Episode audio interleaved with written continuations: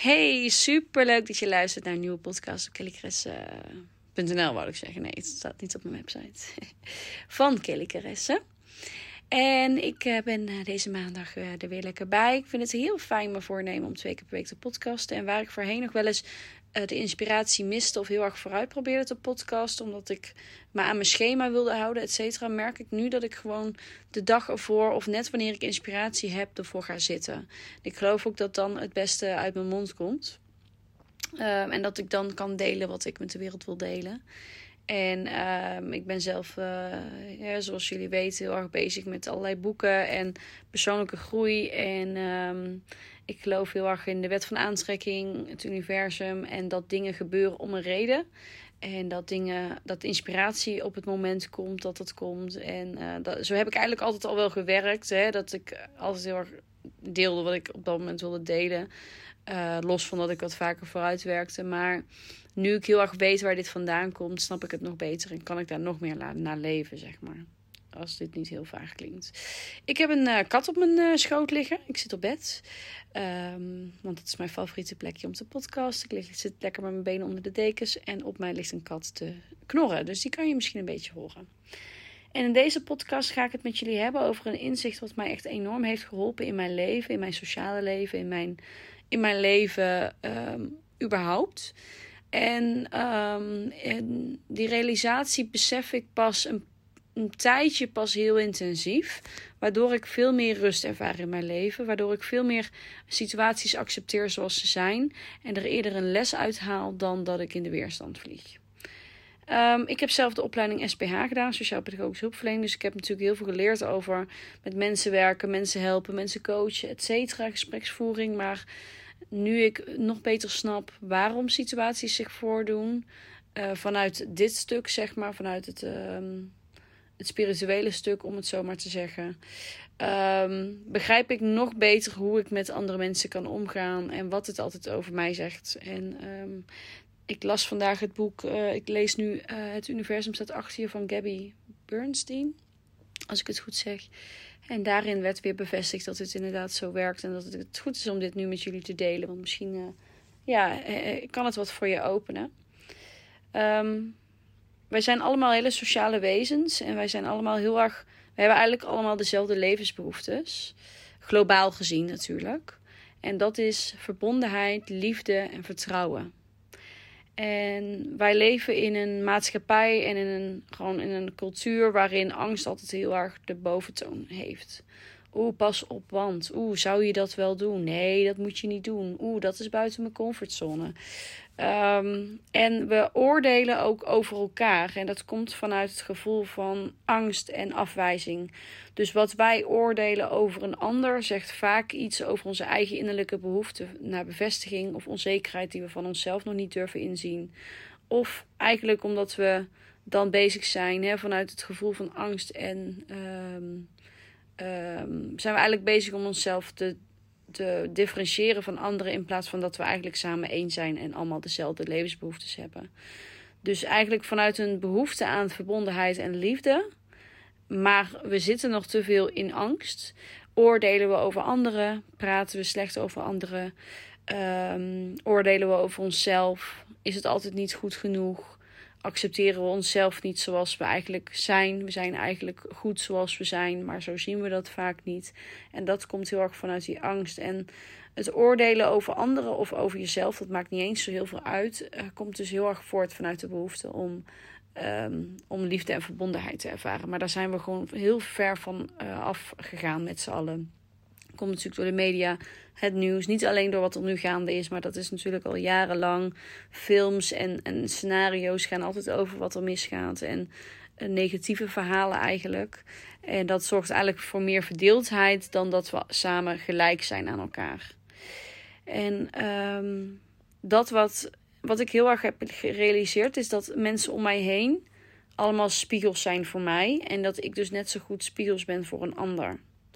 En dan heb je altijd de keuze van kies ik ervoor om daarin vanuit liefde en vanuit vertrouwen uh, de ander te waarderen en accepteren zoals die is. Of, of ga ik onbewust of bewust toch oordelen vanuit een gevoel van niet goed genoeg zijn of dat.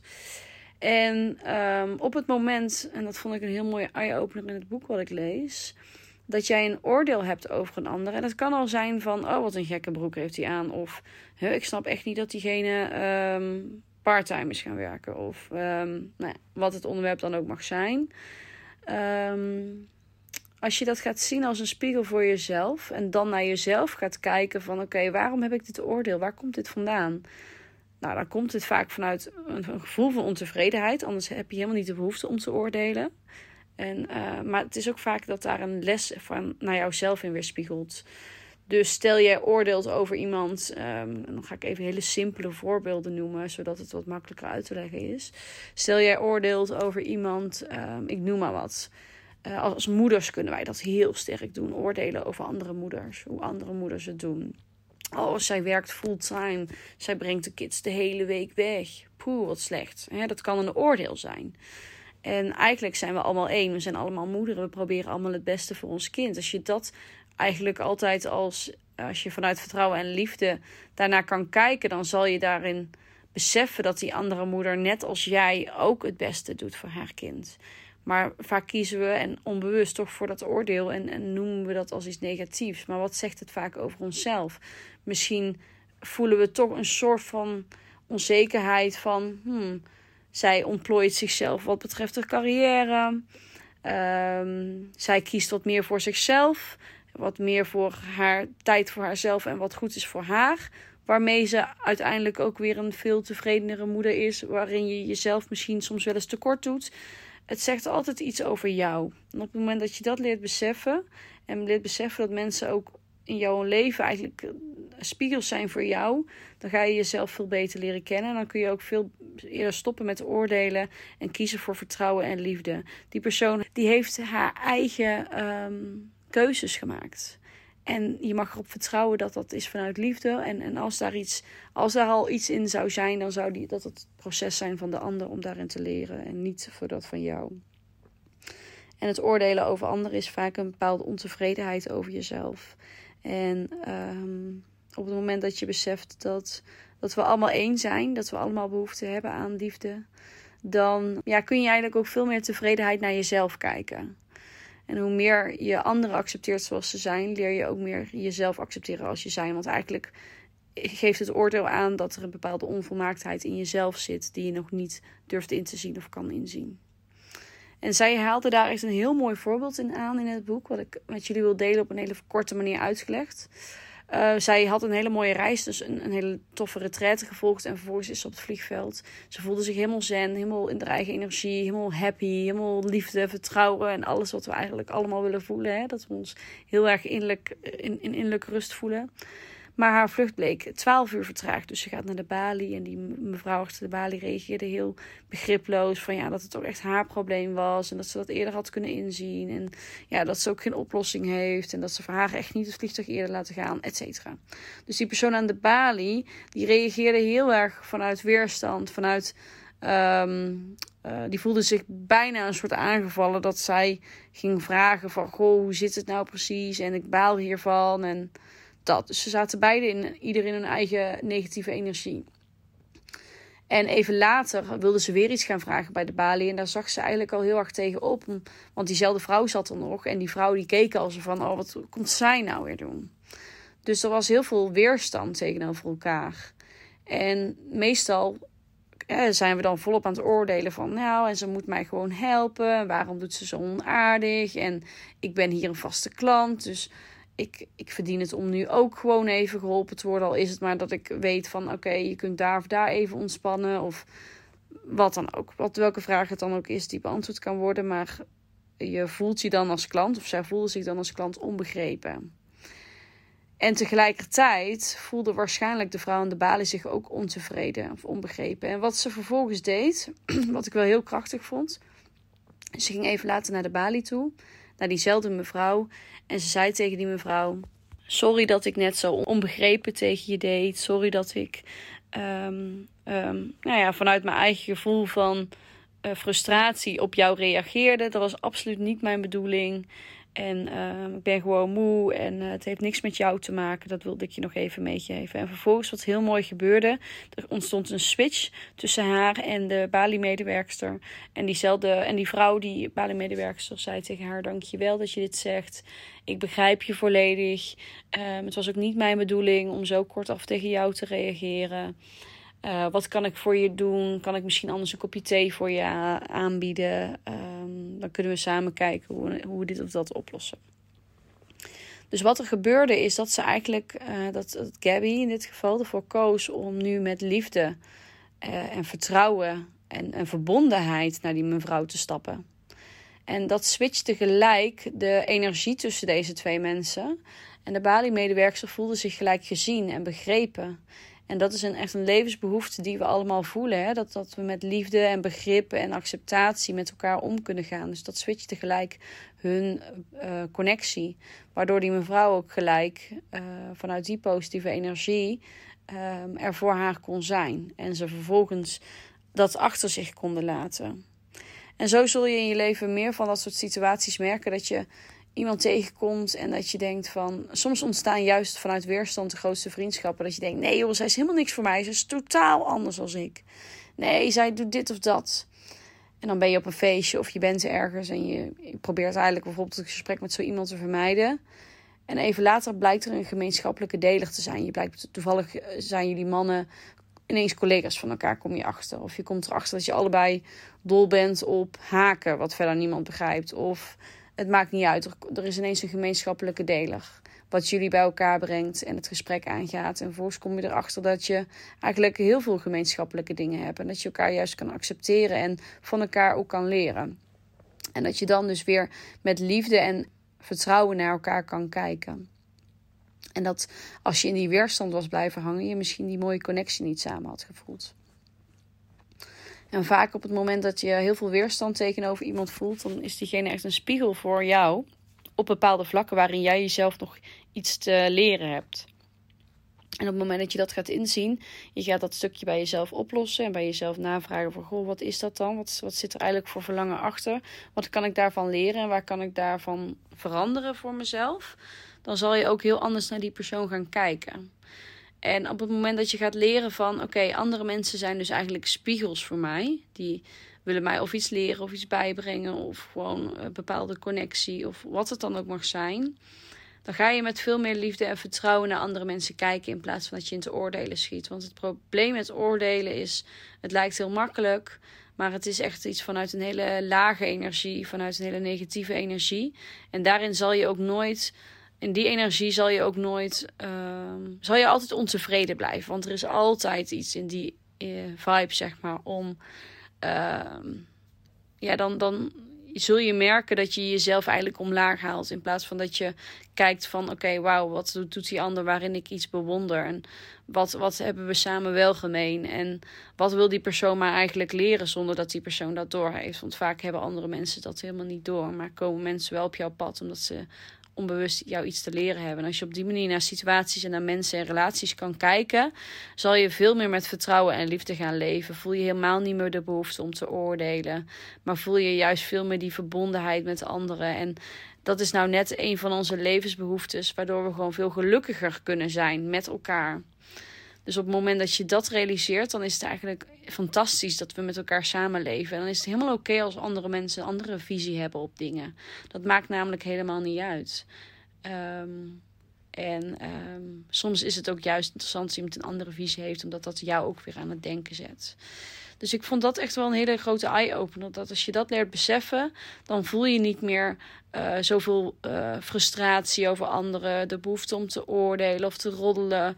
En dan besef je dat dat komt vanuit een ontevredenheid bij jezelf, die je bij jezelf mag oplossen, waardoor je veel lekkerder in je vel komt te zitten. Dus dat is wel heel erg interessant. En um, uh, zo gaat het ook met vriendschappen. Mensen komen en mensen gaan. En mensen komen wandelen een stuk in, jouw leven mee. En daar kan je heel veel van leren. En jij ook aan de ander. En, en daarna kunnen jullie wegen weer scheiden of niet. En dat is ook allemaal oké. Maar um, als je met liefde en vertrouwen naar elkaar kan kijken. En ook vooral naar jezelf. Want eigenlijk betekent het dat je jezelf volledig accepteert zoals je bent. Want dan ga je pas los van oordelen. um, dan ga je veel gelukkiger in het leven staan. Ik denk dat dat wel uh, mijn uh, grootste visie is die ik in deze podcast wilde overgeven aan jullie. Die voor mij enorm veel eye-openers ging, uh, geeft. En dat is ook met, met betrekking tot mijn kinderen. Die zijn ook mijn spiegeltjes. Daar kan ik ook wel een keer een podcast over opnemen. Op het moment dat ik minder lekker in mijn vel zit. Ik zit in oordelen. Ik zit in frustratie. Dan geven zij mij dat ook terug op een bepaalde manier. En als ik dat eigenlijk meer als dankbaarheid kan zien van oké, als ik het nu omswitch, dan zijn we samen weer veel gelukkiger en blijer en positiever. Dan kan je veel eerder die, die, dat, die, die switch maken en lekkerder in je vel komen te zitten samen, zeg maar. In plaats van dat je allebei zit te mokken en boos bent en dat, zeg maar. Dus dat is wel heel erg interessant. Uh, maar uiteindelijk gaat het allemaal over jouw persoonlijke ontwikkeling en dan niet die van de ander. En iedereen, iedereen uh, ontwikkelt zich op zijn of haar tempo. En dat is helemaal oké.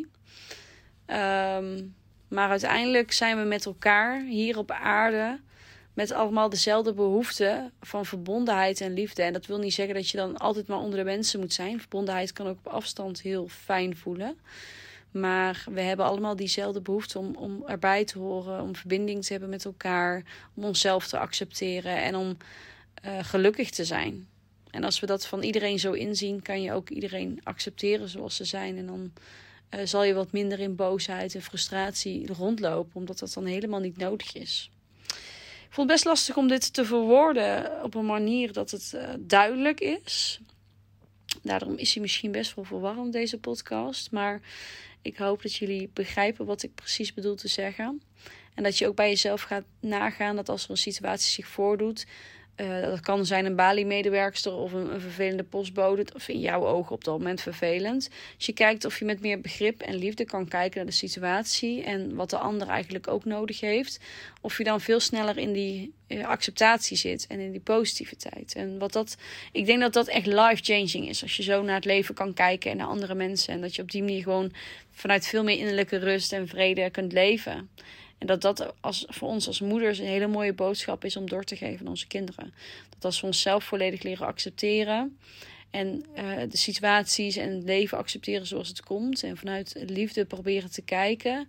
Dat we daarmee ook een heel goed voorbeeld zijn voor onze eigen kinderen. Die ook allerlei uh, situaties nog gaan meemaken. Maar dat het uiteindelijk begint bij jezelf. Jezelf accepteren en um, geloven in jezelf. En dat als iedereen zich als iedereen zou werken aan, aan, zijn of haar eigen ontwikkeling op dat gebied, uh, dat we op die manier met z'n allen gaan naar een mooiere wereld. Maar goed, ik ga hem bij deze afsluiten. Ik ben enorm benieuwd of die binnenkwam. Laat het me alsjeblieft weten of door mijn DM te sturen op Instagram. Dat helpt mij echt enorm. Dan weet ik of, ik, of, of dit waardevol is. En al is er maar één iemand die luistert die denkt: wow, inderdaad, die situatie, dit is precies wat ze beschrijft. Laat het me weten. Ik, ik vind het fantastisch als ik jullie hiermee mag inspireren. Het zijn de lessen die ik zelf heel erg onderga op dit moment. En uh, ik vind het heel mooi om dit te kunnen doorgeven via de podcast.